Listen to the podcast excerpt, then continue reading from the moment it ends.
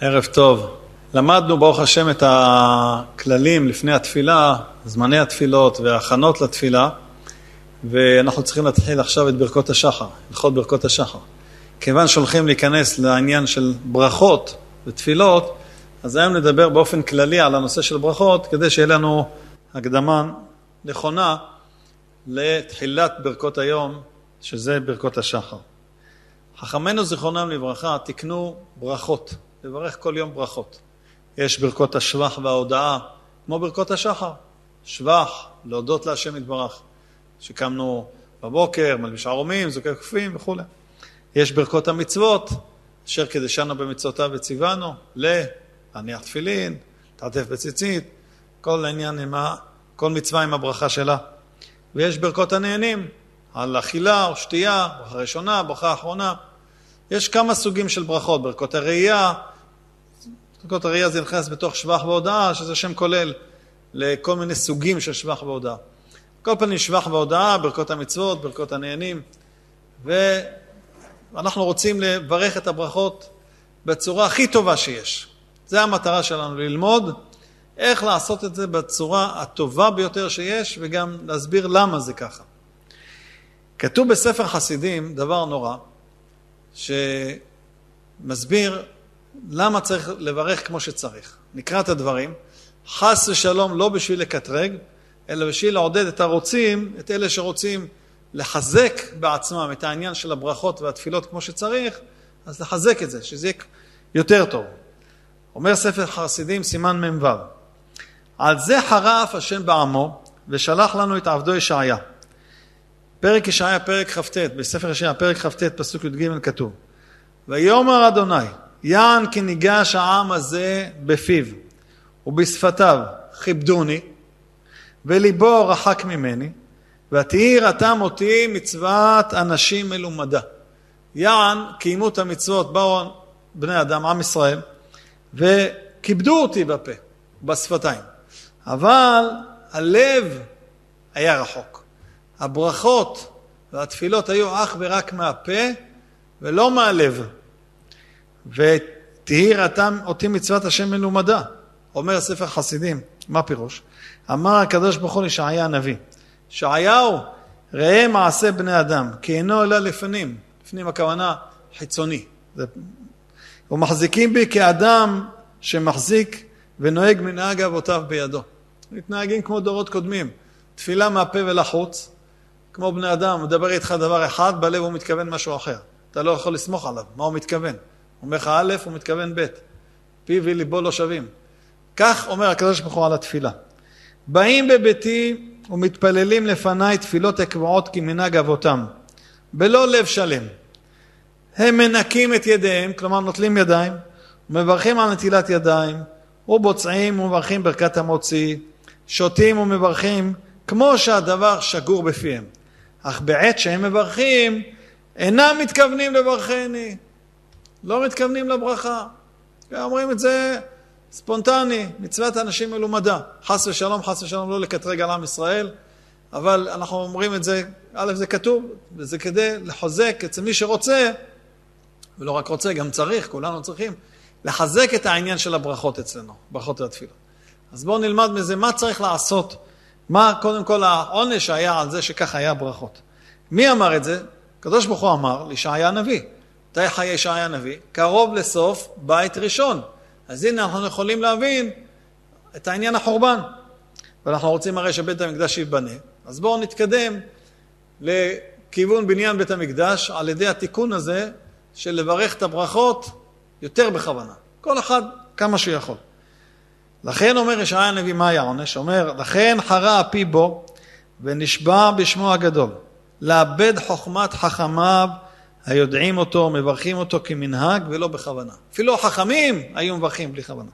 תכתיב, כמו שכתוב, לכן, לכן הנני יוסיף להפליא את העם הזה הפלא ופלא, ואבדה חוכמת חכמיו ובינת נבוניו תסתתם. העונש יהיה שהעם הזה יקבל מכות, הפלא ופלא. מה זה הפלא ופלא? כולם יתפלאו. דווקא אנחנו, עם ישראל, שאוהבים את הקדוש ברוך הוא, מקיימים מצוות, מי כמוך, עם ישראל, מי כמוך. מצוות, תפילין כל יום, ציצית, בחגים, את מצוות החגים, תפילות, איזה יופי, תרי"ג מצוות. ודווקא אנחנו, יש לנו שואות, ואסונות, ופוגרומים, ופיגועים, ו... למה? לכן אינני מוסיף להפליא את העם הזה הפלא ופלא, ועבדה חוכמת חכמיו, בינת נבוניו תסתתר. כי הברכות לא נאמרות מתוך הלב, אלא אך ורק מתוך הפה. והלב לא חושב על זה בכלל. אז הנה אנחנו נלמד בשיעור הזה שצריך לעצור רגע לפני שמברכים, לחשוב מה אני הולך לברך ובאיזה צורה אני הולך לברך, אנחנו כבר נגיע לדברים האלה. מה פירוש המילים ברוך אתה השם? מה, אנחנו מברכים את השם? אחד בא לשני, הרב, תן לי ברכה. ואני מברך אותך, הרב אומר לו, אני מברך אותך, שיהיה לך נגיד פרנסה. נו, כשאנחנו מברכים את השם, מה הכוונה ברוך אתה השם? אנחנו מברכים את השם שיהיה לו משהו? חסר לו משהו? בלעדינו? הוא צריך משהו? אה, מה הפירוש? אנחנו צריכים לדעת, הקדוש ברוך הוא נעלם מאיתנו העלם גמור. אין לנו מושג, אפילו לא קוצו של מושג, במהותו יתברך. כל מה שאנחנו יודעים על הקדוש ברוך הוא, כל ספרי הנביאים, וכל מה שלא יהיה, הכל זה רק על הנהגה של הקדוש, שהקדוש ברוך הוא מנהיג את העולם. אבל בעצמותו יתברך, אין לנו שום מושג. זה נקרא אין סוף ברוך הוא, רחוק מאיתנו לגמרי. מי שמצוי בספר נפש החיים, או בספרי קבלה, אבל בספר נפש החיים זה ספר שהרבה לומדים אותו, גם בישיבות הקדושות, אז המילה אין סוף ברוך הוא, מה הכוונה? זה לא עצמותו יתברך, אין סוף הכוונה, הקדוש ברוך הוא אין סוף כוחות, בעל הכוחות כולם. הוא עצמו, לעולם לא מדברים עליו. ואז כשאומרים, ברוך אתה השם, אנחנו הרי לא מברכים אותו, כי יש לו את הכל, אלא למה אנחנו פונים, למה אנחנו מתכוונים? להתנהגות שלנו, שלו איתנו, או שלנו איתו. זה נקרא להנהגות השם. הקדוש ברוך הוא ברא בעולם הזה הנהגות מסוימות, התנהגות, הנהגות, שדרך ההנהגות האלה פועלים הפעולות שיש בעולם. יש הנהגה שנקראת הנהגת הטבע. כל מה שאנחנו רואים בעולם שפועל לפי דרכי הטבע, זה הנהגה שנקראת הנהגת הטבע. ויש הנהגה שנקראת הנהגת נס. כשאנחנו רואים ניסים, גילוי פנים, זה הנהגת נס. אז מה פירוש המילה ברוך אתה השם? אומר הנפש החיים, שער ב' פרק ב', פירוש מילת ברוך, מה זה? תוספת וריבוי. כלומר, תן לנו יותר, להתר... להרבות, לתת יותר. ברוך, להרבות תוספת. איפה אנחנו רואים את המילה ברכה שקשורה להרבות, להוסיף? כעניין, קח נא את ברכתי. אני אומר לך, קח נא, הפסוק אומר, קח נא את ברכתי, תיקח את התוספת שיש לך, קח את ברכתי התוספת שאני נותן לך. כתוב, וברך את לחמך, וברך את פרי בטניך, כלומר ירבה את הלחם, את הפרנסה, ירבה את הילודה, פרי בטניך. זה נקרא ברוך, מלשון תוספת וריבוי, להוסיף. ברוך אתה השם פירושו, תוסיף לנו, תיתן לנו, זה פירוש. תרבה לנו את השפע, ברוך אתה השם, תרבה לנו את השפע, זה פירוש ברוך, כך אומר הנפש החיים. והוא מביא מאמר גמרא שכולם מכירים, מאמר מדהים שמראה את ההבנה בזה. הגמרא ברכות בדף ז', תניא, אמר רבי ישמעאל בן אלישע, רבי ישמעאל בן אלישע היה אחד מעשרת הרוגי מלכות, השם ימקום דמו, רבי ישמעאל בן אלישע כהן גדול, שנכנס לפני ולפנים. אומר, פעם אחת נכנסתי להקטיר קטורת לפני ולפנים. בקודש הקודשים. וראיתי את מה שהוא ראה שם, הוא ראה שם גילוי נורא, את השם צבקות, שהוא יושב על כיסא רם ונישא. יש בגמרא כתוב שם מסוים, ויש זמר שאמר, שר את זה באיזה שיר. היו רבנים שהתנגדו קצת לשיר הזה, כי לא מזכירים את השם הזה. טוב, ויכוח קצת. וראיתי את מה? את השם, כביכול, שהוא יושב על כיסא רם ונישא. קודש הקודשים. יום הכיפורים, רבי ישמעאל בן ישע הכהן הגדול נכנס לקודש הקודשים, הוא רואה את השם. מה זה לראות את השם? זה כמובן מושג רוחני, זה לראות השראת שכינה, זה לא לראות את השם, אין דבר כזה לראות את השם. ואמר לי, מה אמר הקדוש ברוך הוא לרבי ישמעאל? ישמעאל בני, ברכני. כמו שהולכים לרב, כבוד הרב תברך אותי. ישמעאל בני ברכני. נו, מה היינו מצפים מהברכה? אמרתי לו, יהי רצון מלפניך, שיכבשו רחמך את כעסיך. ויגולו רחמך על מידותיך, ותתנהג עם בניך במידת הרחמים, ותיכנס להם לפנים משורת הדין. מה הוא ביקש? ריבונו של עולם, תרחם עלינו.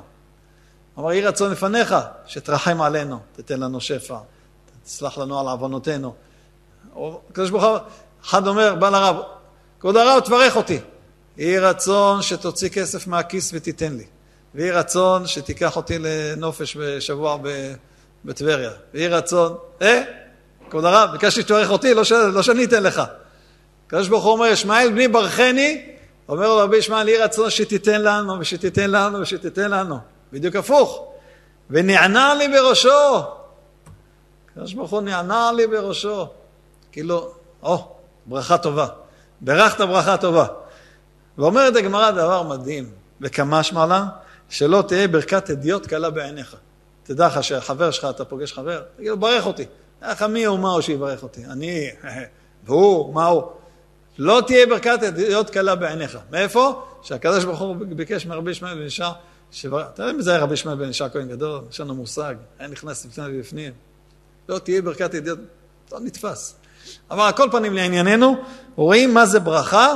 ברכה פירושה להוציא מהקדוש ברוך הוא שפע. זה פירוש ברכה. ברכה מלשון בריכה. כמו שיש בריכה ענקית ורוצים להוציא ממנה את השפע, צריך שיהיה צינור עם ברז, הברז סוגר כדי שהבריכה תהיה סגורה, שיוכלו ליהנות מהמים שבבריכה. ברגע שאתה רוצה להוריד את המים לאיזשהו מקום, להעביר את זה לגינה, להשקות את השדה, אתה צריך לפתוח את הברז והכל יוצא מהבריכה. אם כן, ברוך אתה השם פירושו לבקש מהקדוש ברוך הוא שיפתח את הברז ויוריד את השפע למטה. זה ברוך. לשון תוספת וריבוי. הוא מביא שם הנפש החיים שיש מסבירים לשון שבח ותהילה, לשבח ולהלל את השם יתברך. יש באמת ברשב"א שתי מקומות ששתי הפירושים קיימים. אז אם כן, מאה ברכות ביום, שעוד מעט נדבר על זה, פירושו להוריד שפע אלינו למטה. גם אומר הנפש החיים. אנחנו מוצאים שאנשי כנסת הגדולה בנוסח הברכות, תפילות וברכות, אנחנו נראה רגע את ההבדל, לפעמים מדברים אל הקדוש ברוך הוא בלשון נוכח, ברוך אתה, לשון נוכח, לפעמים לשון נסתר, ברוך אתה השם אלוקינו מלך העולם, אשר קידשנו במצוותיו וציוונו למצווה שמדברים עליה. לא אומרים אשר, לא אומרים, אומרים אשר קידשנו בלשון נסתר, זה נקרא לשון נסתר. ולא אומרים בלשון נוכח, אשר קידשתנו וציוויתנו, אשר קידשנו וציוונו, לשון נסתר. כאילו שמדברים, שאני מדבר למישהו על מישהו אחר, זה לשון נסתר. יש, ברוך אתה לשון נוכח, מדבר אליו ישירות, ויש לשון נסתר. אומר הנפש החיים, למה לפעמים הברכות הן בלשון נוכח, פותחת בלשון נוכח ומסתיימת בלשון נסתר? אומר נפש החיים, לכן קבעו אנשי הכנסת הגדולה, הנוסח של כל ברכות המצוות בלשון נוכח ונסתר. תחילה ברוך אתה לשון נוכח, מסיימים אשר קידשנו מצוותיו וציוונו לשון נסתר. שמצד התחברותו יתברך ברצונו אל העולמות, על ידי זה יש לנו קצת השגה כלשהו. אנחנו קצת משיגים בקדוש ברוך הוא את מה שהוא מנהיג פה את העולם. לכן אנחנו מדברים לנוכח בלשון ברוך אתה השם. כי העולמות צריכים לעניין התוספת והריבוי ברכה מעצמותו יתברך המתחבר אליהם. וזהו מלך העולם. זה מצד אחד. אבל כיוון שאנחנו לא מכירים את הקדוש ברוך הוא, אז אנחנו משתמשים בלשון נסתר, אשר קידשנו במצוותיו, להגיד שאין סוף לבדו סתום מכל סתימין, נסתר מאיתנו. לכן תקנו בלשון נסתר. כלומר, יש דבר אצל הקדוש ברוך הוא שאנחנו מכירים ומבינים, יש דבר שאנחנו לא מכירים ולא מבינים, שזה נסתר. הנוכח המוכר לנו זה הנהגת השם בעולם, והלא ידוע לנו זה עצמותו יתברך. אז לכן אנחנו מדברים לשון נוכח ונסתר. לשון נוכח להנהגת השם פה בעולם, ולשון נסתר על עצמותו יתברך שנסתרת מאיתנו. זה היסוד כאן. בדרך הזאת ממשיך הלשם שבו והחלמה. הוא היה רבו, סבו של הרב אלישיב, הוא היה מקובל עצום מאוד, והוא פירש את ענייני הקבלה, דברים נסתרים. הוריד את זה, לנפ... פישט את זה, הוריד את זה לדברים הגלויים, להסביר דברים, גם הלשון שלו היא מאוד עשירה, אבל לפעמים גם קשה, אבל לפחות קצת לקרב דברים אל השכל. ספר לשם שבו והחלמה. הוא כותב, יש שתי סוגי ברכות, האחת מלמטה למעלה והשנייה מלמעלה למטה. או מה זה? יש דבר שנקרא התערותא דלעילא, מלמעלה רוצים להוריד, ויש התערותא דלתתא, מלמטה מעלים למעלה כדי להוריד. וזה ההבדל בין ברכה לתפילה. שהברכות הפותחות בנוסח ברוך אתה השם, פירושו שהוא ברוך מעצמו. יש בריכה שהקדוש ברוך הוא ברא אותה, ברכת השפע, והשפע יורד מלמעלה למטה. איך? על ידי הברכה. אתה פותח את הברז על ידי הברכה, להוריד את השפע למטה. והמטרה, להתמיד את ירידת השפע ופעולתם כאן בעולם. על זה כתוב בפסוק, תנו עוז לאלוקים. מה זה עוז? כוח. תנו כוח לאלוקים. מה, הקדוש ברוך הוא צריך את הכוח שלנו? הקדוש ברוך הוא כביכול אומר, תגרמו לי שאני אפתח את השפע, את הברז, כדי שהשפע ירד אליכם. והגילוי הזה של הברכות, לתת כביכול לקדוש ברוך הוא את הכוח להוריד לנו את השפע, מתבצע על ידי מאה ברכות ביום, שאנחנו הולכים ללמוד את זה עוד מעט. מאה ברכות ביום. ולכן גם אסור להגיד ברכה שלא צריך, ברכה שאינה צריכה, כי זה סותם את השפע. וכי הברכה היא על גילוי השם בעולם, וגם כן עניית אמן על ברכות. לפעמים עניית אמן ניקח, לפעמים כך, כבר נראה איך האמן נכנסת פה. זה ברכות. אבל תפילה זה מלמטה למעלה. למשוך את השפע מלמטה, לבקש מהקדוש ברוך הוא שיפתח ויוריד לנו את השפע. זה, אנחנו מבקשים מעצמנו, מבקשים, תן לנו, תן לנו, תן לנו, אנחנו מבקשים מעצמנו. ברכה זה לפתוח צינורות, לפתוח את השפע מלמעלה למטה. תפילה זה הכוונה היא לעורר עוד שפע, שיהיה עוד שפע, שהשפע הזה ירד. זה בא מעצמנו. מה שבא מאיתנו מלמטה, תפילות, ברכות אתה מוגבל, אסור לברך ברכה שאינה צריכה, תפילה, הלוואי ויתפלל אדם כל היום כולו. הברכה של השפע מלמעלה היא קצובה, רק תפתח את הברז להוריד את מה שקצוב, מה שיש. תפילות, להרבות עוד תוספת שהיא לא, לא, כביכול לא נבראה, אלא על ידי התפילות, היא נבראת כדי לתת לנו תוספת. לכן תתפלל כל היום, מה שאתה רוצה. וזה עניית אמן. בעניית אמן יש שתי כוונות. כוונה אחת זה אמת, וכוונה שנייה, יהי רצון שיתקיים. כוונה אמת, פירושו השפע קיים, רק אמת, שנראה את זה. זה אני מאמין. ושיהיה רצון שיתקיים, שזה בעיקר בתפילת שמונה עשרה, שזה בקשות, זה תפילות, זה יהי רצון שיתקיים. למה? ביקשנו, יהי רצון שהקדוש ברוך הוא יקבל את התפילה. זה שתי סוגי העניין שנוכח ונסתר, ברכה ותפילה, וזה לעודד, כדי שאם נכוון טוב בברכות, הקדוש ברוך הוא יפתח לנו שפע גדול מלמעלה, ותפילות ייצר לנו עוד שפע כדי להוריד. ומה שלפעמים יבוא אדם ויגיד, יש צדיקים שמברכים טוב, מתפללים טוב ולא יורד שפע, זה חשבונות שמיים. יש חשבונות שמיים. אנחנו לא יודעים בכלל את החשבונות. מאה ברכות. אומרת הגמרא מסכת מנחות. אמר רבי מאיר, היה רבי מאיר אומר, חייב אדם לברך מאה ברכות בכל יום, שנאמר, זה פסוק פרשת עקב, ספר דברים, ואתה ישראל, מה השם אלוקיך שואל מעמך. דרשו חז"ל, אל תקרי מה, אלא מאה. הטור אומר, זה מובא ממדרש, שדוד המלך תיקן מאה ברכות. למה? כל יום היו מתים מאה נפשות בישראל. מאה, בדיוק מספר מדויק של מאה נפשות. זה הפליט דוד המלך. יש אומרים שלא נפשות, לא סתם נפשות, אלא בחורים. מאה בחורים כל יום. מאה נפשות, זה יכול להיות גם אנשים, ימינו בהם שבעים שנה, ואם בגבורות שמונים שנה, ורובם עמל ועוול, והמאה העשרים זה כבר דרך העולם, אבל בחורים זה לא דרך העולם. יש אומרים מאה בחורים, ולא יודעים למה. עד שחקר והבין ברוח הקודש, דוד המלך בדק, בדק, בדק, קיבל תשובה ברוח הקודש, ותיקן להם לישראל מאה ברכות ונעצרה המגפה. נעצרה. והחכמים הסמיכו את זה על הפסוק, מה השם שואל מעמך, מה השם אלוקיך שואל מעמך, כי אם ליראה, אל תקרא מה, אלא מאה. שהקדוש ברוך הוא שואל, בקש, שואל, בקש, בעניין מאה ברכות בכל יום. למה הקדוש ברוך הוא מבקש? כי הקדוש ברוך הוא יש לו ברכ, ברכ, בריכה גדולה של שפע, והוא רוצה לתת. הקדוש ברוך הוא אומר, תעשו לי טובה, ישמעאל בני ברכני. תפתחו את הצינורות כדי שהשפע ירד למטה. זה העניין של הברכה. יש מדרש שאומר שמסורת, למש... כבר משה רבנו, על פי מסורת שמשה רבנו בסיני כבר תיקן לבני ישראל מאה ברכות ביום. אה? משה רבנו תיקן. אלא מה? ששכחו את זה, את העניין של מאה ברכות, בא דוד וחידש את העניין מחדש, ואחר כך התנאים והאמוראים ניסחו את נוסח הברכות שאנחנו מתפללים עד היום. יש עוד מדרש עוד יותר מוקדם, שהקדוש ברוך הוא הבטיח לאברהם אבינו, שהקדוש ברוך הוא הראה לאברהם אבינו בברית בין הבתרים, שיחטיאו עם ישראל ויחרב בית המקדש. אמר לו אברהם אבינו, אז במה יזכו? אמר לו, מאה ברכות ביום, כאילו הקריבו קורבנות. אז יש שתי מערכות. מערכת אחת של מאה ברכות, שזו מערכת מוכרחת, שהיא קצובה, מסודרת לפי השפע שהבורא הכין ונותן, ויש מערכת שנייה של תפילה, שזה מה שאתה יכול לגרום לקבל עוד שפע, שהוא לא במערכת הראשונה, הוא מערכת נוספת, שזה שפע נוסף שהקדוש ברוך הוא נותן בעולם. אומר הלשם, חייב אדם לברך מאה ברכות בכל יום, כדי להעמיד ולקיים את גילוים תמיד, כי בהם נברא העולם ובהם מתקיים העולם.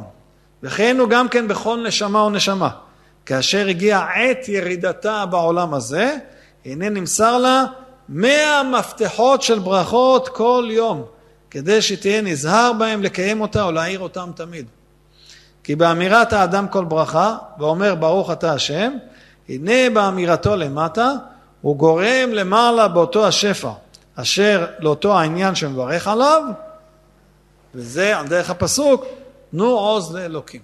זהו, זו הקדמה של להסביר, אחרי ששומעים את הדברים האלה, מבינים כמה מעלה של כל ברכה, לברך אותה כמו שצריך. מאה ברכות ביום. לכן היו גדולים שמאוד הקפידו על העניין הזה של מאה ברכות.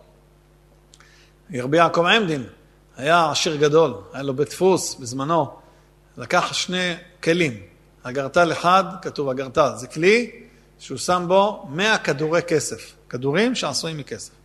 וכל ברכה, בפרט בשבת, כמובן הוא פתר בעיה של מוקצה בשבת, כל ברכה, היה מברך כמה ברכות, מעביר לכלי השני. עד שהיה רואה שנגמר המאה, שיספיק לברך מאה ברכות בשבת, כי בשבת מהמניין הרגיל של התפילות חסר עשרים ברכות. כן, בספרה, כשהרב עובדיה נפטר, אז במשפחה תיארו הרבה דברים על גדלותו ועמל התורה ועוד הרבה דברים גדולים ונוראים. אחד הדברים שצדו את העיניי זה היה שהוא היה סופר בשבת את המאה ברכות. רבי יעקב עמדין אומר שאדם ייקח לו מאה קלפים, לא לכולם יש מאה כדורי כסף, כי הוא היה עשיר, ייקח מאה קלפים, ייקח מאה פתקים, מאה פתקים, ויסמן לו כל כמה ברכות שהוא סיים, יוריד מהחשבון ויראה שעד צאת השבת הוא סיים מאה ברכות. עד מנחה של שבת, זו סעודה שלישית, סיים מאה ברכות. אומר השולחן אור סימן מ"ו סעיף ג' חייב אדם לברך מאה ברכות לפחות. לפחות. אפשר גם יותר, אין בעיה ביותר. אבל חייב אדם לברך בכל יום מאה ברכות לפחות. יש בפוסקים, דנים האם נשים חייבות, הרבה פוסקים אומרים שנשים גם חייבות במאה ברכות. מתי מונים את היום? האם היום נמנע מהבוקר עד הלילה, עד הבוקר למחרת, או מערב עד ערב, כמו שאנחנו מונים את הימים. הרבה פוסקים אומרים, זה דעת רוב הפוסקים, מערב עד ערב. יש פוסקים שאומרים מהבוקר עד הערב. מה גרם לזה? כי בטור, כשהוא מונה את מניין המאה ברכות, הוא מתחיל מתפילת שחרית של הבוקר. תפילת שחרית, תפילין. למה אתה לא מתחיל מהערבית? אז לכן זה כך. בגמרא במנחות כתוב, רבי חייא, כשהיה חסר ברכות, מה היה עושה? היה משלים בשבת וביום טוב, בפרט זה הימים שחסר, במזונות, פירות ובסמים. ואיך בוראים עם סמים, פירות, מזונות. גם אפשר להשלים, אומרים הפוסקים, מי שאין לו מזונות, פירות, בשמים, כמו ביום כיפור שחסר לנו ברכות, יכול להשלים על ידי שמיעת חזרת השץ. חזרת השץ. על ידי ברכות התורה וההפטרה, אבל לכתחילה, הרבה פוסקים כותבים שעדיף שיברך בעצמו את כל המאה ברכות, ולא שישמע מאחרים. כשאי אפשר, יכול גם לשמוע מאחרים. ברכות שיוצאים בהן בדין שומע כעונה, נחשב כאילו שהוא ברך. למשל, הקידוש של ליל שבת, אבא מברך, כולם יוצאים ידי חובה. ברכת הגפן, ברכת הקידוש של שבת בליל שבת, ברכת המוציא, כל עדה ומנהגה. יוצאים ידי חובה מדין שומע כעונה, כי שומע כעונה נחשב כאילו שאתה בעצמך ברכת. יש אומרים שכשחסר ברכות, יש אומרים שתיקנו את אין כאלוקינו שאומרים בסוף תפילת שחרית, לפני פתאום הקטורת, יש אומרים שהאין כאלוקינו זה נועד כדי להשלים מהברכות. ויש חשבון, שכרגע קשה להסביר את כל החשבון, איך יוצא משם מהברכות. והמשנה ברורה, מעניין, בהלכות יום הכיפורים, סימן תרכ"ב, סעיף קטן ה', כותב את זה. אומר לכן ביום כיפור שיש הרבה שבחים, ככה הוא כותב, יש הרבה שבחים ביום כיפור, הרבה הרבה שבחים שהם במקום הברכות, יש נוהגים שלא לומר אין כאלוקינו, יש מנהגים כאלה שלא אומרים, כי במקום, אנחנו אומרים, ויש מנהגים שלא אומרים, למה? כי זה במקום, כי אין כאלוקינו זה, זאת אומרת שהאין כאלוקינו זה כדי להרבות בברכות, זה החשבון. טוב, ברכות, אם כן, 100 ברכות ביום, שאדם יברך בעצמו. ברכה שאינה צריכה, אסור לברך ברכה שאינה צריכה, או מה שנקרא ברכה לבטלה, בפוסקים זה נקרא בדרך כלל ברכה שאינה צריכה, אסור לברך לצורך מאה ברכות. מה יהיה אדם, חסר לו ברכות, הוא רוצה לאכול ולשתות בשביל להרבות בברכות. הוא לא רעב ולא צמא. לוקח שתייה ואכילה, מותר לאכול ולשתות כדי להרבות בברכות בין בחול בין בשבת. חוץ ממים. מים, השותה לצמאו מברך שהכל נהיה בדברו. אבל אם הוא לא שותה לצמאו, אלא בשביל סיבות אחרות, הוא לא צמא, לא. הנאה של מים זה כשצמאים. שאר המשקים נהנים מהטעם המתוק וכולי, כל, כל משקה עם הטעם שלו, ההנאה מהטעם גם אם לא צמאים. אבל מים זה רק אם הם צמאים. וזו שאלה שעולה בשבת. האם מותר לגרום לברכה שאינה צריכה כדי להרבות מהברכות? מה זה לגרום לברכה שאינה צריכה? סעודת שבת, סוף הסעודה רוצים להביא פירות, להביא פירות, להביא דברים טעימים. הפירות מברכים ברכה ראשונה. פיצוחים, ברכה ראשונה מברכים. אדמה, עץ, יש דברים שגם מברכים שהכל, שוקולד, דברים טעימים. אבל ברכה אחרונה לא מברכים. למה? כי ברכת המזון פותר. אז מותר לגרום לברכה שאינה צריכה. הוא רוצה לאכול. אומר אל תביאו, לא נברך עכשיו, קודם נברך ברכת המזון, אחר כך נברך ברכה ראשונה ונרוויח גם ברכה אחרונה. בעצם מה שמרוויחים בעיקר זה ברכה אחת, שזה ברכה אחרונה. מותר לגרום לברכה שאינה צריכה, זה נקרא לגרום לברכה שאינה צריכה, לפי מנהג הספרדים זה מותר, כדי להרוויח מהברכות. תשימו לב, אבל לא מרוויחים הרבה, מרוויחים ברכה אחת בעיקר, ברכה אחרונה, כי ברכות ראשונות גם בסעודה מברכים. זה, זה כשהפירות כבר הגיעו לשולחן. אבל אם הפירות לא הגיעו לשולחן, אוכלים בסלון והפירות במטבח רוצים להביא, אל תביאו כדי שנוכל לברך, זה לא נקרא גורם ברכה שאת צריכה. כי כשהם לפניו, על השולחן, אז הוא צריך, לא, למה אתה מברך? למה אתה מברך ברכת המזון? תברך ברכה ראשונה, אחרונה. זאת אומרת, ברכת המזון יפתור. אבל כשנמצאים על, במטבח, הוא אומר, לא, לא רוצה לאכול עכשיו, זה מטבח. כל הזמן רוצה לברך ברכת המזון. לגמור ברכת המזון, גמר ברכת המזון, ארבע, ברכ, ארבע ברכות בכוונה, אחר כך יביא את הפירות, זה לא נקרא גורם ברכה שאינה צריכה, וזה מותר לכל הדעות. כמובן להוסיף על הברכות זה פשוט שמותר, שנאמר, ואני תמיד אייחל והוספתי על כל תהילתך. בואו נראה רגע את מספר הברכות שאנחנו מברכים ביום, בקיצור, וכל אחד יכול בבית לעשות את החשבון ולראות כמה הוא מגיע. בואו נראה. אם מתחילים מהלילה ומתפללים ערבית אחרי צאת הכוכבים, כנראה זה הסיבה שהטור לא הזכיר, כי היו מתפללים מוקדם, אז שאלה למה זה שייך, ליום הקודם, ליום הבא. על כל פנים מתפללים בלילה ערבית. יש לך קודם כל בתפילת ערבית, כבר בקריאת שמע של ערבית כמה יש? ארבע ברכות. שתי ברכות לפני קריאת שמע, שתי ברכות אחרי קריאת שמע. עוד 19 ברכות של ברכת עמידה, של תפילת עמידה, כבר יש לך 23 ברכות. הולך לישון, מברך ברכת המפיל, יש בזה דעות, אנחנו נדבר על זה, אבל נגיד, הנוהגים מברך ברכת המפיל, כבר 24 ברכות. הלך לישון, קם בבוקר, ברכת נטילת ידיים, ואלוקי, אשר יצר ואלוקי נשמה, אלוקי פסיק נשמה, צריך להגיד את זה נכון, אלוקי נשמה, שלוש ברכות. ברכות השחר, 15 ברכות, שוב, אנחנו נלמד בעזרת השם איך בדיוק סופרים את זה. ברכות התורה, שלוש ברכות, יש אומרים שתיים.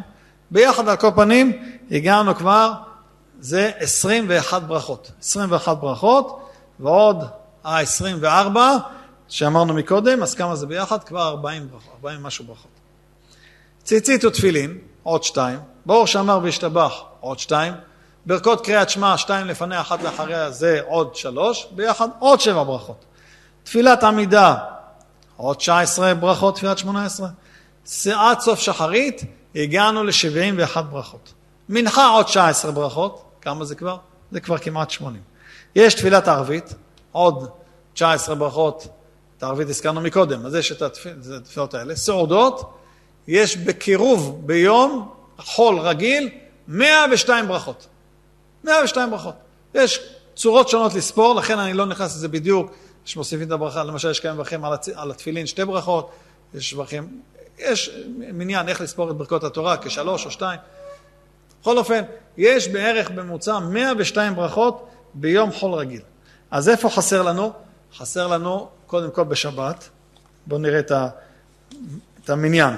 נניח, אנחנו לא נלך בדיוק, ביום חול רגיל יש 102, בשבת חסר כ-20 ברכות כדי להגיע ל-100, לכן עיקר הבעיה מתחילה בשבת. ביום ראש חודש לא חסר ברכות, ראש חודש ביום חול, תענית חסר לפי החשבון ארבע ברכות, שוב זה לא מדויק, אני מדגיש, זה תלוי לפעמים קצת בכמה סברות, אבל פחות או יותר. בראש השנה חסר 19 ברכות, כמו שבת, 20 ברכות בערך חסרים. יום כיפור זה הבעיה הגדולה, חסרים 33 ברכות, יום כיפור. איך משלימים ביום כיפור 33 ברכות? הרי פירות ומגדים ומני בשמים, אסור. מה נשאר? יש אשר יצר. כמה פעמים? אשר יצר. מה עוד איך הוא ישלים? כמה? חמש פעמים? נו, אז איפה עוד חסר לו? 33? חסר עוד. איך משלימים?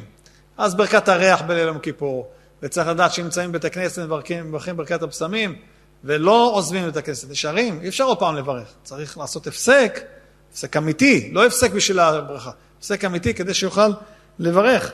אז יום כיפור רבותיי זה בעיה. שאר החגים זה פחות או יותר 20, סביב ה-20 ברכות, שבתות וימים טובים, סביב ה-20 ברכות, יום כיפור, 33 ברכות חסר. צריך למצוא דרך איך להשלים 33 ברכות ביום כיפור. זה, זה הקש, הקושי הגדול. אה, עכשיו נתחיל להתאמן מיום שבת, מיום חול, לקבל למודעות, כשנגיע ליום כיפור כבר נחפש, אה, איפה 33 ברכות, בעזרת השם נמצא איך לעשות את זה. טוב, עד כאן זה מצווה לברך בין הברכות. עכשיו, כוונת הברכה. בכוונת הברכה יש לנו שולחן ערוך שאומר דבר ממש לא קל, סימן ה', שזה דבר גם כן צריך להתרגל, היום הרבה סידורים עוזרים בזה, אומר השולחן ערוך סימן ה', יכוון בברכות פירוש המילות. צריך לברך, לכוון את פירוש המילים בברכה. כשיזכיר השם, יכוון פירושו, פירוש קריאתו באדנות. ברוך אתה השם, בראש הוא חושב, אדון הכל, זה הקריאה, קוראים את זה, שם הווה י"ק ו"ק אדנות, ויכוון בכתיבתו י"ק ו"ק, שהוא היה, הווה ויהיה. זאת אומרת, בראש, ברוך אתה השם, זה במהירות בראש, מתרגלים, זה הולך מהר. בהזכירו אלוקים, אלוקינו, יכוון שהוא תקיף, הוא בעל היכולת, הוא בעל הכוחות כולם. תקיף, הכוונה הוא חזק, זה החוזק, כל הכוח זה שלו. בעל הכוחות כולם. המשנה ברורה מביא קצת כולה, ואומר בשם הגר"א, שמספיק לכוון את פירוש הקריאה, בשם אדנות, י"ק ו"ק, מספיק פירוש הקריאה, ולא חייבים את פירוש ה... אה, העניין של שם הוויה ברוך הוא, פירוש הקריאה ולא פירוש המילים. זה שיטת הגר"א. שולחן ערוך צריך את שתי הדברים. מי שקשה לו רוצה להתחיל להתרגל לזה, זה ממש ממש טוב להתרגל, לכוון, אבל לא לעשות את זה בצורה משונה. לא חייבים ברוך אתה השם, למשוך את שם השם. יכול להגיד ברוך אתה אה, השם ולהמשיך, במהירות. ומתרגלים לזה, זה נהיה אוטומט. לא צריך לפחד מזה, זה נהיה אוטומט. רק פשוט צריך לקחת תקופה של חודש, כן, חודש, מנסים כל ברכה, ובוודאי שיהיה ברכות שלא נצליח, אין שום ספק. אבל מנסים חודש, אחרי חודש זה כבר נהיה אוטומט ומהר, ואפילו השומעים אותך מברך, לא מרגישים שאתה מכוון בברכה. זה מכוון בשם השם. זה נהיה כזה מהר מאוד.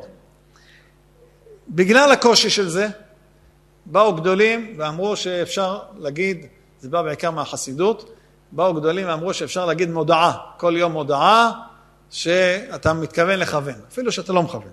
נוסח המודעה בערך, יש כמה, מודפסים מהם כמה נוסחאות כאלה, זה הרי אני מכוון מעתה ועד למחר בעת הזאת, בכל פעם שאזכיר שם אדנות, כוונתי שהוא אדון הכל, בכל פעם שאזכיר שם הוויה ברוך הוא, כוונתי שהוא אדון לכל היה ויהיה, בכל פעם שאזכיר שם אלוקים, כוונתי שהוא תקיף ובעל היכולת ובעל הכוחות כולם. נוסח מודעה. זה לזכות את הרבים, את הדבר הזה. אבל זה לא לכתחילה רבותיי. זה רק מי שקשה לו. אם מישהו מתאמן, חודש, בדוק ומנסה. תראו, חודש זה רץ, זה הולך. וגם המודעה הזאת לא מועילה לפסוק ראשון של קריאת שמע, כי שם צריך לכוון במיוחד, אז זה לא מועיל. זה נוסח מודעה שאפשר קצת להקל בזה. אומר המשנה ברורה, למה זה כך? שצריך לכוון בברכות. אומר המשנה ברורה, כמו שאמרו חז"ל, שלא יזרוק הברכה מפיו, אלא יכוון בעת האמירה ויברך בנחת. כמו שכתוב ספר חסידים, הוא מעתיק. כשהוא נוטל ידיו, או שמברך על הפירות או על המצוות השגורות בפי כל אדם. שימו לב, לשון ספר חסידים, מובא במשנה ברורה. יכוון ליבו לשם בוראו אשר הפליא חסדו עמו, ונתן לו הפירות או הלחם ליהנות מהם. אה, קם בבוקר, זוקף כפופים. זה, קם, שאנשים לא קמו, ברכות השחר. יש לחם, ברוך השם, פרחיות אורז, הנה, יש לו פרחיות היום, עם גבינה. יש לו לחם, עם עגבניה, עם חביתה, איזה יופי. יש לו זה, שמחה, הקדוש ברוך הוא נתן לנו, איזה יופי זה. ליהנות מהם, בצבעו על המצוות, ולא יעשה כאדם העושה דבר במנהג, כמנהג ומוציא דברים מפיו בלא הגיון הלב, ספונטני. ועל דבר זה חרה אף השם בעמו, ושלח לנו ביד ישעיה ואמר, מה שקראנו מקודם, יען כי ניגש העם הזה בפיו ובשפדיו כיבדוני וליבו רחק ממני. והוא מעריך שם. זה רבותיי, כמה זה חשוב, חשוב לכוון בברכות. אתם מבינים שמי שמברך בברכה, ולמשל ברכת המזון ומנקה את השולחן בינתיים, זה לא ברכה. אתם מבינים שמי שאומר ברכות השחר ובינתיים מסדר את, את, את כל הבלגן שהוא השאיר אתמול, את הבגדים, את הזה, כל העניינים שלו, זה לא, הוא לא מכוון לברכה. לכן אסור להתעסק בדברים נוספים בשעת הברכה. בואו רבותיי נתחזק בזה. אני מדבר לעצמי ויהי רצון שגם יהיו עוד כאלה שיתחזקו יחד איתי. וגם מהלשם, נקריא עוד משהו מהלשם. אומר בפרט בעניין התפילה, אשר עיקרה הוא לפתוח שערי שמיים, להפק רצון בכל משאלות לב בני אדם. הנה שם הוא הכרח כוונה פנימית למי שזכה לזה, יותר צורך וחיוב מכוונת כל המצוות כולם. כוונת הברכות יותר חשוב מכוונת המצוות. אנחנו אומרים, לפני הרבה מצוות יש הרבה נוהגים לומר, לשם יחוד קודש אבריך ושכינתה וכולי, אינני בא לקיים את המצווה. אז יותר חשוב מזה, כי על ידי הכוונה הפנימית, עכשיו פה צריך להבין, למה שמות השם כל כך חשוב בכוונת הברכה? הקדוש ברוך הוא ברא את העולם, כל הגילוי שיש בעולם זה על ידי שמותיו של השם יתברך. זה בקבלה מתעסקים בזה הרבה, בפרט המכוונים, סידור הרשש ועוד, כוונת שמותיו של י"ק ו"ק, י"ק ו"ק בניקוד כזה, בצירופים כאלה, והיום יש סידורים, הרבה סידורים היום, בפרט ספרדים זה מודפס. שילוב שם הוויה באדנות, לפעמים הוויה ואחר כך אדנות, לפני אדנות ואחר כך הוויה, ניקוד סגול, ניקוד סרט, תראו בשמונה, כולם מכירים את זה היום בתפילות היום, זה מאוד, בסידורים היום זה מאוד מפורסם. וגם הרבה סידורים, עשו טוב שבברכות כתבו ברוך אתה השם, אדון הכל היה ויהיה, כדי שיהיה קל. הוא אומר, כי על ידי הכוונה הפנימית שהם השמות הקדושים, כולם, אשר הם עצמם הכוח של כל הפעולות כולם. הרי אם הקדוש ברוך הוא ברא את העולם בשמותיו, נמצא שכל הכוחות בעולם נמצאים בשמות השם יתברך, זה על ידי שמות השם. זה משהו נסתר, אנחנו לא, לא מבינים, לא רואים את זה. הנה כאשר מכוון את כל שם ושם המיוחד לאותו העניין בכל דרגה ודרגה עד מקור המקורות כולם, הרי פתח המקור וממשיך על עצמו את השפע והברכה מקודש הקודשים וממשיכה בכוונתו דרך כל המדרגות על ידי השם המיוחד לכל מדרגה ומדרגה עד שממשיך עליו את הרצון ואת הברכה לבקשתו ונמצא כי הוא בא בשלו מאת אשר חרה, שימו איזה לשון, נמצא שאדם מקבל את השפע שלו, הוא בא משלו, אשר מאת, מאת אשר חרש וזרע וקצר הוא עצמו. זאת אומרת, מגיע לך שפע, מגיע לך. זה הוא בא להגיד. מגיע לך השפע, אתה חרשת וקצרת, חרשת, זרעת וקצרת, הנה מה שקצרת זה שלך. שהרי הוא עצמו גרם וסיבב את גילוי השפע והברכה עליו. מה שאין כן אם יתפלל בסתם, הלא אי אפשר שיותן לו בקשתו, אלא ברחמי שמיים בלבד, שהוא במתנת חינם, אשר לא כן הייתה כוונתו, רצונו יתברך שמו בכל בריאת העולמות. מה הקדוש ברוך הוא רצה בבריאה? שהאדם בעצמו יסובב עליו כל טוב עולם על ידי מעשיו ובפעולותיו ודיבור ומחשבתו אשר קשור בהם למעלה למעלה ומכוון למטה ומעורר למעלה כדי להוריד למטה את השפע. זאת אומרת, מבינים רבותיי, זה, זה גדלות. שהקדוש ברוך הוא ברא את העולם, הכין הרבה שפע, והוא רוצה שאתה, בן אדם, תוריד את השפע על עצמך, ולא שהשם ייתן לך רק ברחמיו המרובים, אלא שאתה תגרום להורדת השפע לעצמך. ולכן כשאתה מכוון בברכה, אנחנו מכוונים בברכה, בברכת השמות, מי שזוכה לזה, אז הוא מוריד את השפע כמו שהשם רצה שהעולם יתנהל. וממילא זה מגיע לו בזכות ולא בחסד, זה שלו. זה צ'ק טוב. כשאדם מקבל צ'ק מהמעסיק, מקבל את המשכורת כי הוא עבד ומגיע לו, אין בזה נעמה דכיסופא. אבל כשהוא מקבל רק בגלל שמרחמים עליו, זה כבר אחרת לגמרי. טוב, זה היה כאן היום הרבה הקדמות קצת לעניין הזה של מעלת הברכה. הרעיון שמאחורי הברכות, אנחנו רואים שזה דבר גדול, גדול, גדול, גדול, שהקדוש ברוך הוא רצה שכך יתנהל העולם. אז בואו נראה קצת את ההלכות, איך מברכים נכון. כבר דיברנו, ברוך השם, בשיעורים קודמים, על העניין של לברך כל ברכה ותפילה, שהמקום מסביב יהיה נקי, הגוף של האדם יהיה נקי, הבגדים, כשהוא הולך ברחוב, שאם יש השפעה צריך להיזהר מההשפעה שם, זה דובר. גם דיברנו על כיסוי ראש, שאדם צריך לברך עם כיסוי ראש, וגם עם כיסוי ערווה, וגם עם דבר שחוצץ בין ליבו לערווה. דיברנו שאדם הולך לים, יכול לשים כיפה, בגד ים וכיפה, יכול לברך. אם אה, אין לו אה, כיפה, יכול למשוך שרוול, אם יש לו את המגבת, לשים על הראש. אפשר לשים טישו גם. ואם אין לו זה, יש לו חבר, חבר יכול לשים את היד שלו על הראש שלו. אבל הוא עצמו לא יכול. היד שלו, יד לא מכסה אדם עצמו. דיברנו על הדברים האלה, וזה לעומת תפילה, שתפילה צריך להיות כעומד לפני מלך. בגדים מכובדים, יפים, כמו שהיית מוזמן למלך, היית הולך עם בגדים מכובדים, ככה לתפילה, ללכת בבגדים מכובדים. יש כאלה בציבור החרדי שלובשים חליפות, אז מתפללים עם חליפה. לא, מי שלא נוהג ללכת עם חליפה, פעמים בלי חליפה. יש כאלה שמעתי אומרים, ספרדים לא נהגו להתפלל עם חליפה. נו בטח שעדות המזרח לא נהגו עם חליפה. הם מה הלכו בחוץ לארץ? הלכו עם שמלה, לא היה חליפה. ודאי שלא. אם המלך במרוקו הזמין יהודי לבוא להיפגש איתו, עם מה בא יהודי למלך? עם השמלה. זה היה בגד. היום בארץ, המלך אה, פה בארץ, אם יש מלך, כן, אין מלך. אם, אילו היה מלך. מזמין, הנשיא, כן, אדם מכובד, כן, מזמין אותך אליו, אתה רגיל ללכת עם חליפה, אז מה תלך? עם השמלה של מרוקו? תגיד לי, תגיד לי, מה זה פה פורים? מה זה פה? פה אתה תלך מכובד, ובדרך כלל, כל מכובדים, אתה תלך עם חליפה, בפרט מי שהולך כל השבוע עם חליפה, הכוונה אליו בעיקר. אז הולך עם חליפה, אז מה זה המילה הזאת? ספרדים לא נהגו ללבוש חליפה בתפילה. מה זה נוגע? למה זה קשור בכלל? זה לא זה לא קשור עם... אומרים כאילו זה בגד אה, של אירופאים, זה, מה זה קשור פה? זה, לא, זה בכלל לא נוגע. זה בגד מכובד לכבוד המלך, בקיצור, מובן. אז זה העניין של בגד מכובד. שיכור, גם הלכה שהזכרנו, שיכור אסור לו להתפלל. בשולחן ערוך יש סתירה קצת.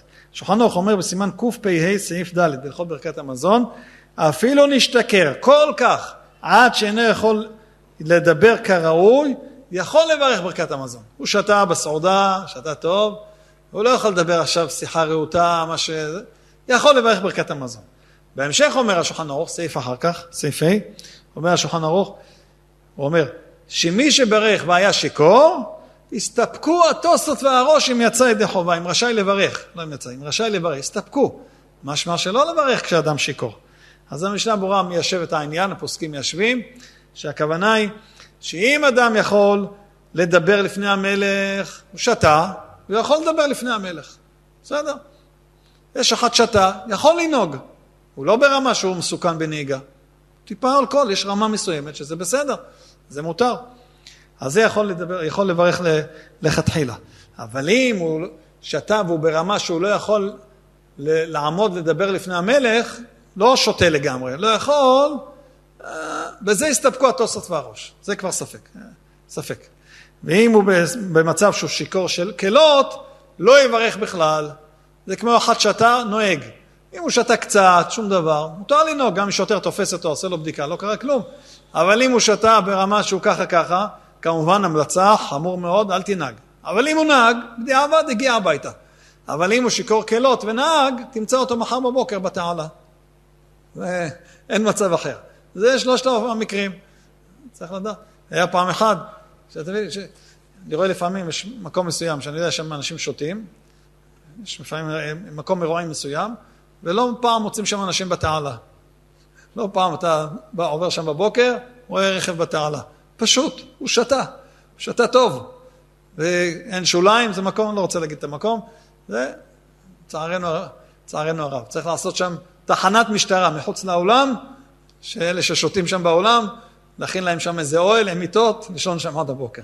לא יכולים לצאת משם. שותים, שותים. בשביל מה לשתות כל השתייה הזאת? בשביל מה הקדוש ברוך הוא ברא את השתייה? קצת, אה, יין ישמח לבב אנוש, אבל לא יבלבל לבב אנוש. לא יבלבל את הראש. טוב, זה לגבי שכרות. אז לכן שיכור, ברמה שהוא לא יכול, שהוא שיכור כלות, לא יכול לברך. זה קורה בפורים, אלה ששותים יותר מדי, אחר כך מבלבלים את כולם וגם את עצמם. יותר טוב שישנו ויעשו, ימצאו פתרון לברכה. אולי מישהו יוציא אותם מדי חובה, יענו אמן, יהי רצון שזה יעזור. הלאה. נקודה שלישית, פה נקי לברכה. פה נקי הכוונה, כתוב בשולחן ערוך בסימן ד', סעיף י"ז, בהלכות השכמת הבוקר, יש נוהגים לרחוץ פיהם שחרית מפני הרירים שבתוך הפה. שמעתם פעם היום מישהו שלא רוחץ את הפה בשחרית? כל אחד שקם, שוטף פנים, רוחץ... היום יש ברזים. בזמן השולחן ערוך לשטוף את הפה בבוקר, זה היה, מי יודע אם יש לך בכלל מים בדלי שם שהביאו מהבאר אתמול בלילה, לך עכשיו תשיג מים. הוא קם באמצע הלילה, רוצה מים, לשטוף את הפה, איפה יש לו מים? יצא בקור, בשלג, להביא איזה משהו. אז יש נוהגים, היום כולם רוחצים. למה נוהגים? כי שה, שהפה יהיה נקי לכבוד דבר, נקי, לא מצד ריק, אלא מצד נקי. אומר המשנה ברורה, למה? כי צריך להזכיר את השם הגדול בקדושה ובטהרה. זה משנה ברורה שמצטט את מרן הבית יוסף. ואם הוא אסטיניסט ואינו רוצה להכניס המים לפיו מפני שאינם זכים וצחים, אין מעקה מלברך. אתם מבינים את המציאות שלהם? היו קם בבוקר, מה זה בבוקר? היו קמים בשתיים בלילה, שלוש בלילה, היו ישנים בתחילת הערב, לא היה חשמל. קם, רוצה לשטוף את הפה קצת, אבל המים מהבאר, מה שהביאו בדלי, כבר מלוכלך, עם כל מיני ברחשים שם, הוא רוצה לשטוף, לא נקי, לא, לא, לא נעים. אה, בסדר, בדיעבד יכול לברך. היום, ברז, המים זורמים, מים מן השמיים, בלי סוף, אין שום בעיה של מים, ברוך השם. אז ודאי שצריך לנקות את הפה, לכתחילה. זה פה נקי. דבר הבא, פה ריק, שהפה יהיה ריק. ריק. אחד רוצה לברך על משהו, נגיד הוא אכל סוכריה, יש לו סוכריה בפה, ומוצא את סוכריה נגיד, ו- ונכנס זה, רוצה עכשיו לברך אשר יצר, שיחכה שהפה יהיה ריק, יוציא את הסוכריה או משהו. למה? כמו שאומר השולחן ערוך, סימן קע"ב. אם הכניס אוכל לפיו בלי ברכה, מה אומר השולחן ערוך? אדם הכניס אוכל לפה בלי ברכה. יש נידון שלם שם בסימן, סימן קע"ב, מה לעשות? וצריך מה? לבלוע את האוכל. יש אוכל שאפשר להוציא, יש אוכל שאי אפשר להוציא, אבל בכל מקרה לא לברך עם פה מלא. למה לא? כי יש פסוק שאומר, ימלא פי תהילתך, כל היום תפארתך. זה לא רק, לא רק שיר, אלא גם ימלא פי תהילתך. שהפה יהיה מלא, רק בתהילה, ולא באוכל עם התהילה. אז כשמברכים, פרק, אותו דבר אחד, נגיד, תפילת הדרך, נסיעה תפילת הדרך, יש עניין לאכול, יש עניין לברך ברכה לפני תפילת הדרך, כי תפילת הדרך זה ברכה סמוכה לחברתה, היא לא פותחת בברוך, כמו אלוקיי, נצור אלוקיי נשמה, לא פותחת בברוך, אז יש עניין לברך משהו, לברך משהו שהכל, אם הוא צמא, לברך על איזה מאכל קטן, לברך, יבלע ויברך תפילת הדרך.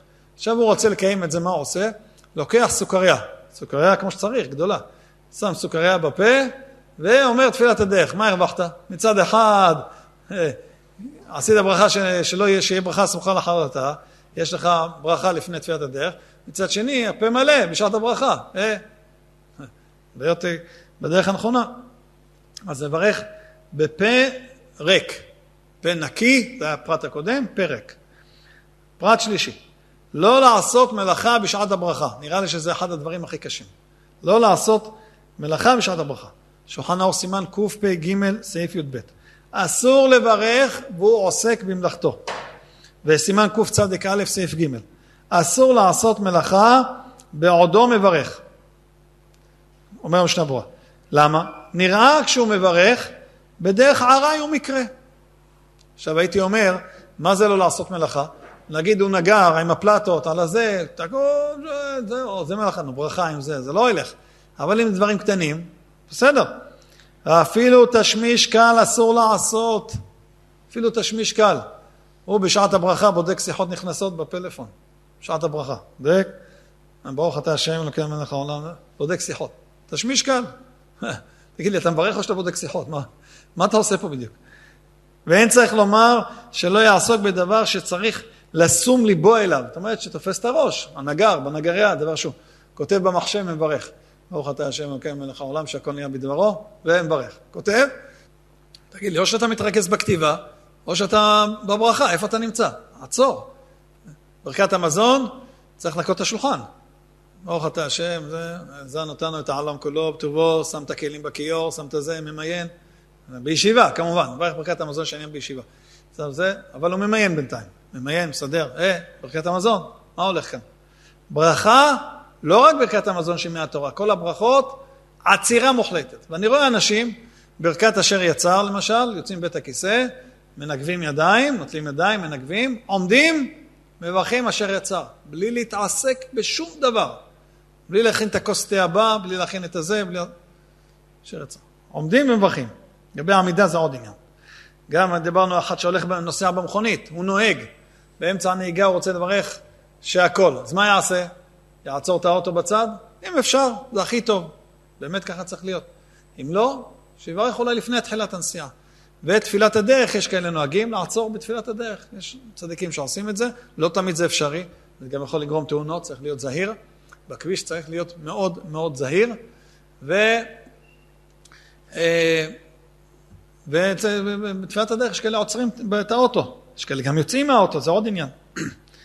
עוד פרט, האם אפשר ללכת בשעת הברכה? הולך, עכשיו זה לא עושה מלאכה, הוא הולך, זה לא מלאכה, זה ללכת. הוא ממהר לאיזה מקום, עכשיו הוא מברך אשר יצר בהליכה. האם צריך לברך אשר יצר במקום או שאפשר גם בהליכה? אז מה כתוב? סימן קפ"ג סעיף י"א. אומר השולחן ערוך, אם היה מהלך בדרך ואוכל, אדם שהיה אוכל בהליכה, פעם בזמנם זה היה בדרך, גם היום קצת, אבל פעם זה היה אפשר לעצור, צריך להמשיך.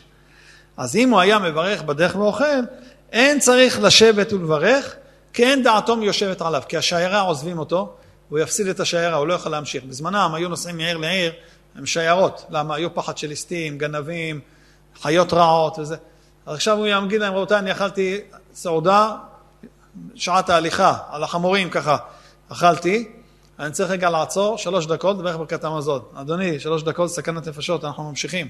הם ממשיכים, אז אתה יכול להמשיך לברך ברכת המזון בהליכה. למה? כי הוא אכל בהליכה. אבל לכתחילה צריך, משמע שרק במקרה הזה, לכתחילה צריך לא לברך בהליכה, לעצור. וזה שוב, ב... אשר יצר, זה מאוד בולט אצלנו, שזו ברכה טיפה ארוכה. יש ברכות קצרות, רוב הברכות, ברכות עניינים, קצרות מאוד, אבל אשר יצר, קצת יותר ארוך. עכשיו הוא נוטל ידיים, הוא מהר כבר, לעניינים. אתם רואים הרבה אנשים עומדים במקום ומברכים אשר יצר. יהי רצון שנזכה באמת למידה המיוחדת הזאת. והפלא העץ אומר, כותב על זה, בסדר, בספר חסד האלפים הוא כותב, ההולך אנה ואנה, הרי זה דרך עראי ואסור. הלאה, עוד פרט. האם חייבים לברך בעמידה או בישיבה? איך? הליכה בסדר, הבנו. אשר יצר, לעמוד במקום. האם אבל אפשר לשבת או צריך דווקא לעמוד?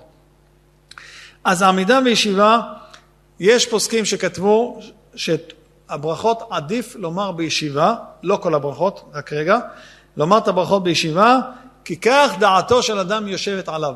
כך כותב הבן איש חי. עכשיו נחזור לאשר יצר.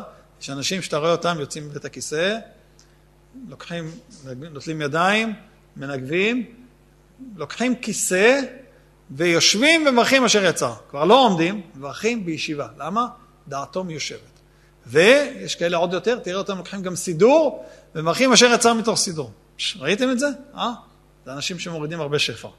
לכל עם ישראל, לעצמם בוודאי. זה מעלה גדולה מאוד. אז יש עניין ברכות בישיבה. אבל יש ברכות שבכתחילה זה בעמידה. זה ברכות שכתוב בהן לכם. איזה ברכות? שש מצוות שכתוב בהן לכם. איזה מצוות? ציצית, כולנו מברכים בעמידה, ברכת הציצית בבוקר, הטלית גדול. ברכת לבנה, בעמידה. ברכת המילה, בעמידה. ספירת העומר, שזה המקור בעצם, בקומה, בעמידה. ברכת שופר, יש מנהגים בזה, אבל לפחות אלה שהשליח ציבור, לכל הדעות עומד ומברך על השופר. לגבי הציבור יש בזה מחלוקת בגלל העניין של מה שהגמרא שואלת, למה הם תוקעים כשהם יושבים, תוקעים כשהם עומדים, לבלבל את השטן. וברכת הלולב, זה ברכות שאומרים דווקא לכתחילה בעמידה. קידוש של שבת לרוב קהילות ישראל, לכתחילה בעמידה. למה? למה בעמידה? כי הרי לכתחילה היה צריך להיות בישיבה, לא בעמידה. למה בעמידה? למה בישיבה? למה צריך להיות בישיבה? כי ברכות הנהנים שמוציאים את האחרים ידי חובה, ברכת הפת וברכת הגפן, אז צריך להיות בישיבה שיהיה קביעות, כולנו ביחד שותים. פה פתאום בעמידה. למה? מעיד על כניסת השבת. ויחולו יום השישי ויחולו השמיים והארץ, יש נהגים עם יום שישי, כן, ויחולו השמיים והארץ, יש את הפסוקים שאומרים ומברכים את המקדש השבת, אז עדות, עדות זה בעמידה. ועל פי הקבלה התפשט המנהג שגם בליל יום טוב, שלא, ששם אין את ה... זה לא עדות, גם כן נוהגים בעמידה. אבל שבת בבוקר, הקידוש בשבת בבוקר מה? בישיבה. הפוך, דווקא בישיבה.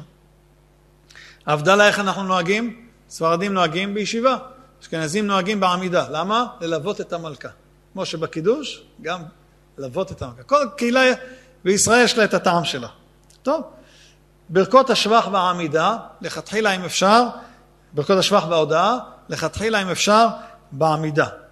ויש בזה שוב מנהגים, אצל אשכנזים למשל משתדלים להגיד את ברכות השחר בעמידה. ספרדים, לאו דווקא. אפשר גם בישיבה. הברכה שהכי חשוב לברך אותה בישיבה זה ברכת המזון, שנאמר, ואכלת ושבעת וברכת. אומר התוספות, ואכלת ושבעת, שב עת ברכת. שבעת, שב עת ברכת. ברכה מהתורה. תשב כשאתה מברך. וגם ברכת מעין שלוש על המחיה, ויש אומרים גם על העץ ועל פרי העץ, גם כן בישיבה. לכתחילה זה צריך להיות בישיבה. כמובן מי שברך בצורה אחרת יצא ידי חובה, אבל זה לא צורת הברכה לכתחילה. עוד דבר, אדם בא לברך ברכה, שים לב על מה אתה מברך. הוא לוקח קשיו, או פרחיות אורז, הוא לוקח פופקורן, הוא לוקח כל מיני מאכלים שיש ספקות בפוסקים, או איזה מאכל חדש שהוא לא יודע מה זה, היום יש הרבה מאכלים עב"מים חדשים, ה junk food למיניהם, אתה לא יודע מה מברכים על זה, זה עשוי מזה, עשוי מדגנים, עשוי מתירס, עשוי מזה, מה מברכים? אז לפני הברכה, תחזיק את זה ביד, תדעת על מה לברך, שלא יהיה לו טעות. ברוך אתה השם אלוקינו ממך העולם, מה מברכים? כאילו הוא אומר לשני, מה מברכים? חכה אני אלך להביא ספר. לא יעזור לך עד שהוא יביא ספר, למה? כי יעבור זמן שכדי שאפשר לברך, הברכה לבטלה. תחילה תדע מה מברכים. הוא אוכל עכשיו קיבי. מה זה קיבי? עץ או אדמה? צריך לדעת. יש כל מיני מאכלים חדשים שמדי פעם, או מאכלים שיש מחלוקת הפוסקים, הוא עוד לא החליט מה הוא החליט לברך, שכן, ככה, ככה, יש כמה דברים שיש מחלוקת.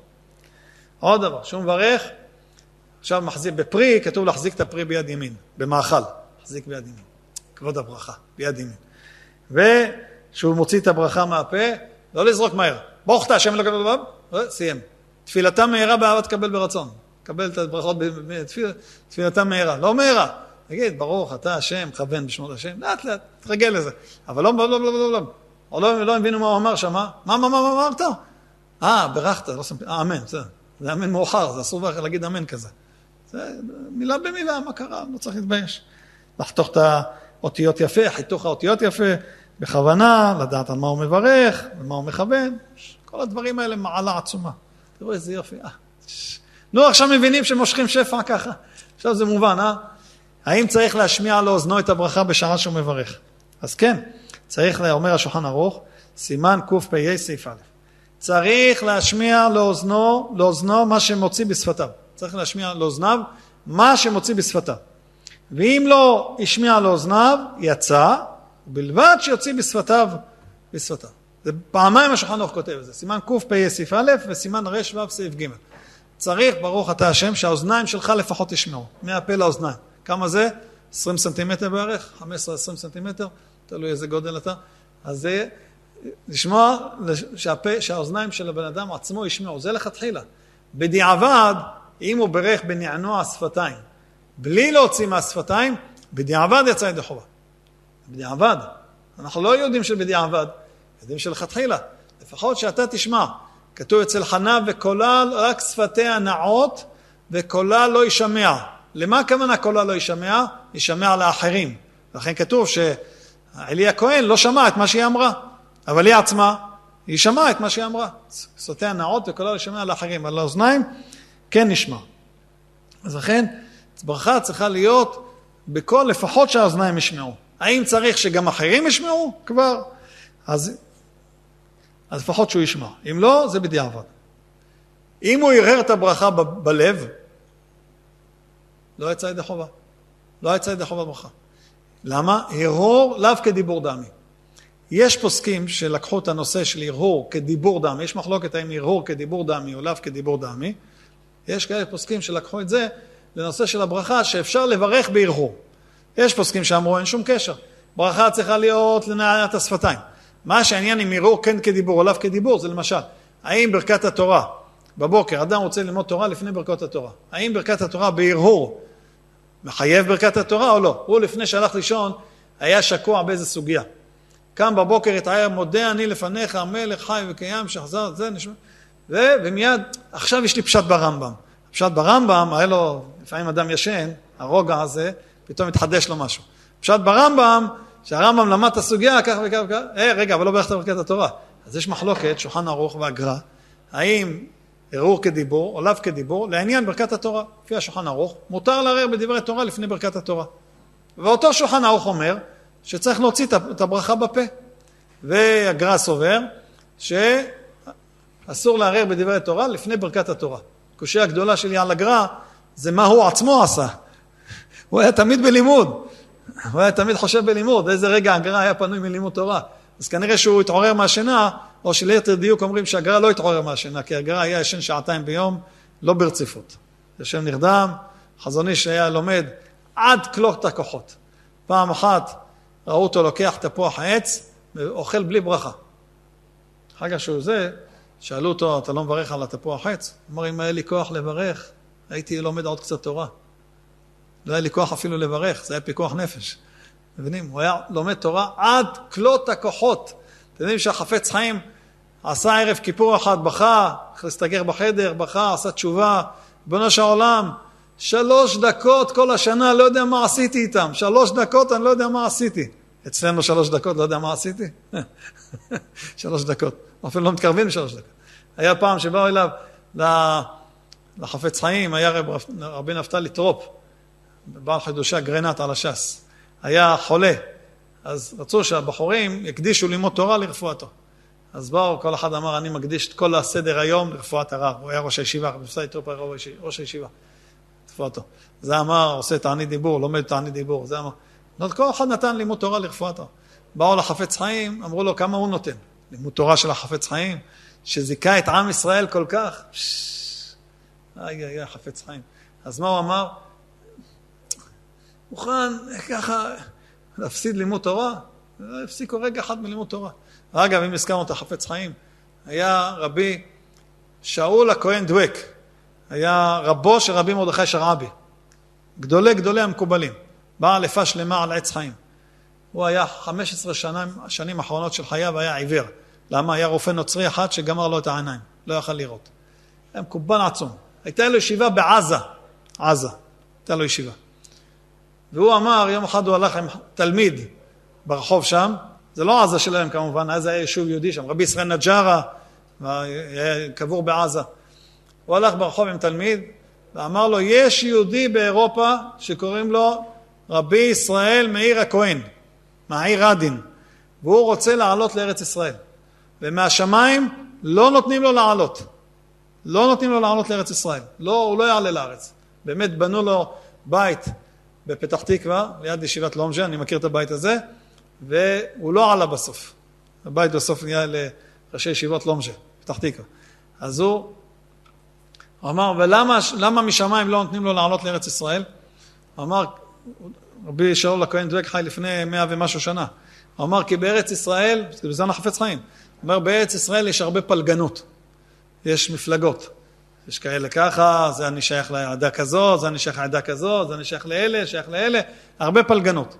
ואם החפץ חיים יבוא לארץ ישראל, הוא יהיה מחויב להשתייך לאיזשהו מגדר מסוים, לאיזושהי קבוצה.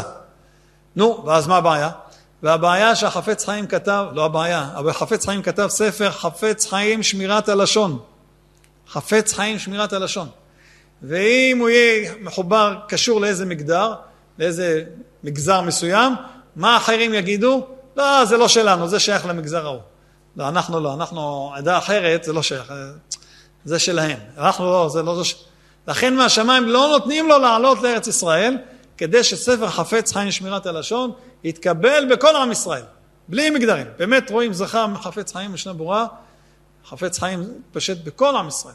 גם המשנה ברורה, גם מי שלא פוסק לפי המשנה ברורה, מכל מיני סיבות, יש ספרדים, יש חסידים, יש מנהגים, יש כל מיני. אבל אין מי שלומד שולחן ערוך אורח חיים בלי משנה ברורה. כי המשנה ברורה הוא מסביר הכי טוב של השולחן ערוך אורח חיים. מסביר הכי טוב שולחן ערוך אורח חיים. פעם היה שני בחורים ישבו בישיבת פורת יוסף, החליטו שהם ספרדים, לומדים כף החיים, הרבה שנים, לא משנה ברורה, כף החיים.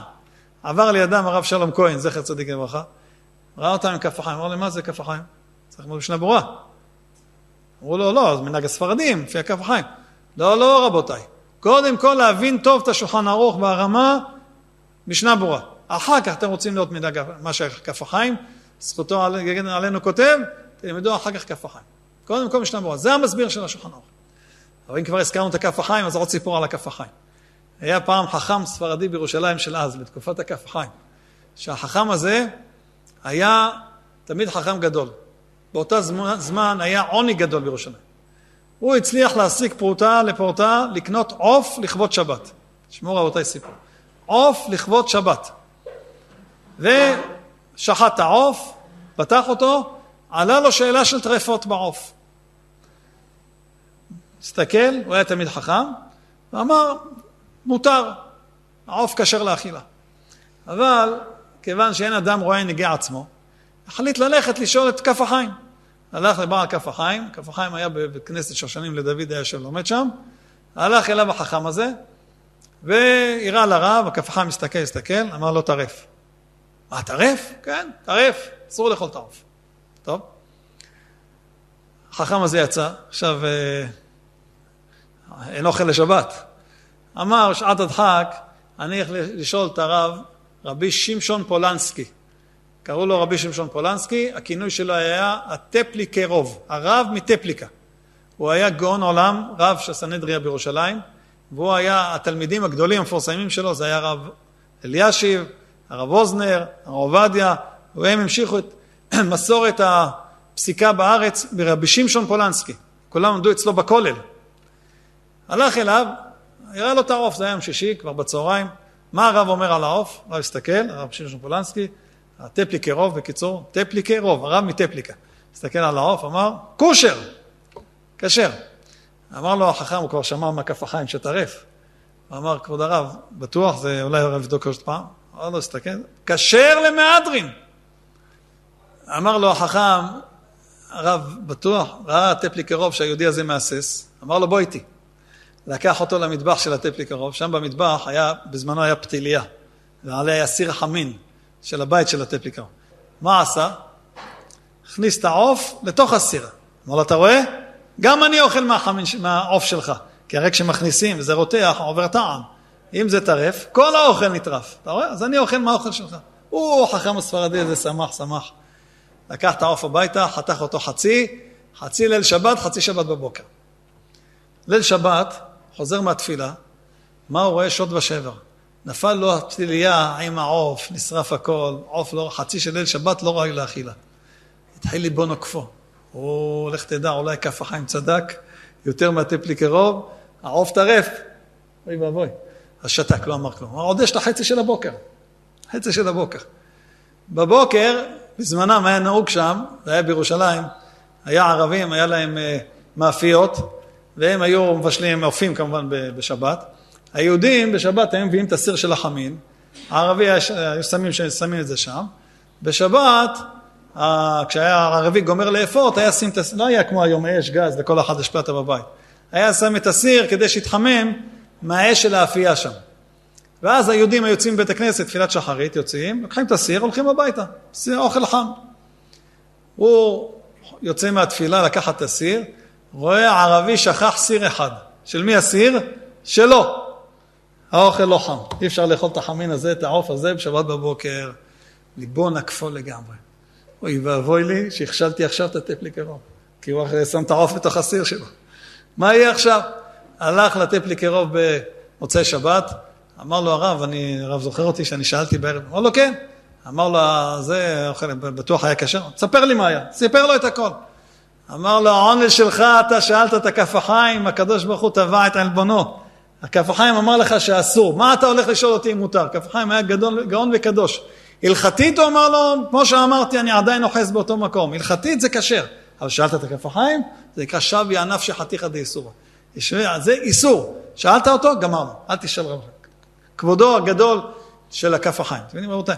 זה לא סתירה, גדולי ישראל זה לא סתירה. אתה יכול להיות, ללמוד משנה ברורה, ללמוד כף החיים, כולם אהובים, כולם ברורים, כולם, כל אחד לוקחים את זה במקום הנכון. אין חס ושלום מסור בדין. אני רק אסיים, הפרט האחרון זה לברך ברכה בקול רם. לברך ברכה בקול רם. האם חייבים לברך? אומר השולחן ערוך. יש מי שאומר שבעל הבית עם אשתו צריך לברך, עם בניו ואשתו, צריך לברך בקול רם, כדי שיצאו בברכתו. זאת אומרת, זה מתי שהוא מוציא אותם ידי חובה. אבל אם הוא לא מוציא אותם ידי חובה, אז הוא יכול לברך, לא חייב לברך בקול רם. אבל, אומר המשנה ברורה, בשם הראשית חוכמה, מעלה גדולה לברך בקול רם, למה? כדי שככה אדם לא ישכח, או בפרט ברכת המזון, שלא ישכח יצא והחליצנו, יעלה ויבוא, בפרט. כל דבר כדאי לברך בקול רם, וגם כי כתוב ברכי נפשי את השם, וכל קרבי את שם קודשו. כשמברך בקול רם, כל הגוף שלו פועל ביחד, לא רק הפה. ואם יש לידו אנשים שיכולים לענות אמן, מצווה גדולה לזכות אותם בעניית אמן. אז שוב שהשלם ישלח רפואה שלמה למורנו ורבנו הרב דניאל זר, רפואת הנפש, רפואת הגוף, רפואה שלמה, שלמה, שלמה, מהרה עולם, אין לה רפנה לו, אין לה רפנה לו, אין לה רפנה לו. ונזכה בעזרת השם לביאת משיח צדקנו, גאולה שלמה במהרה בימינו, אמן ואמן.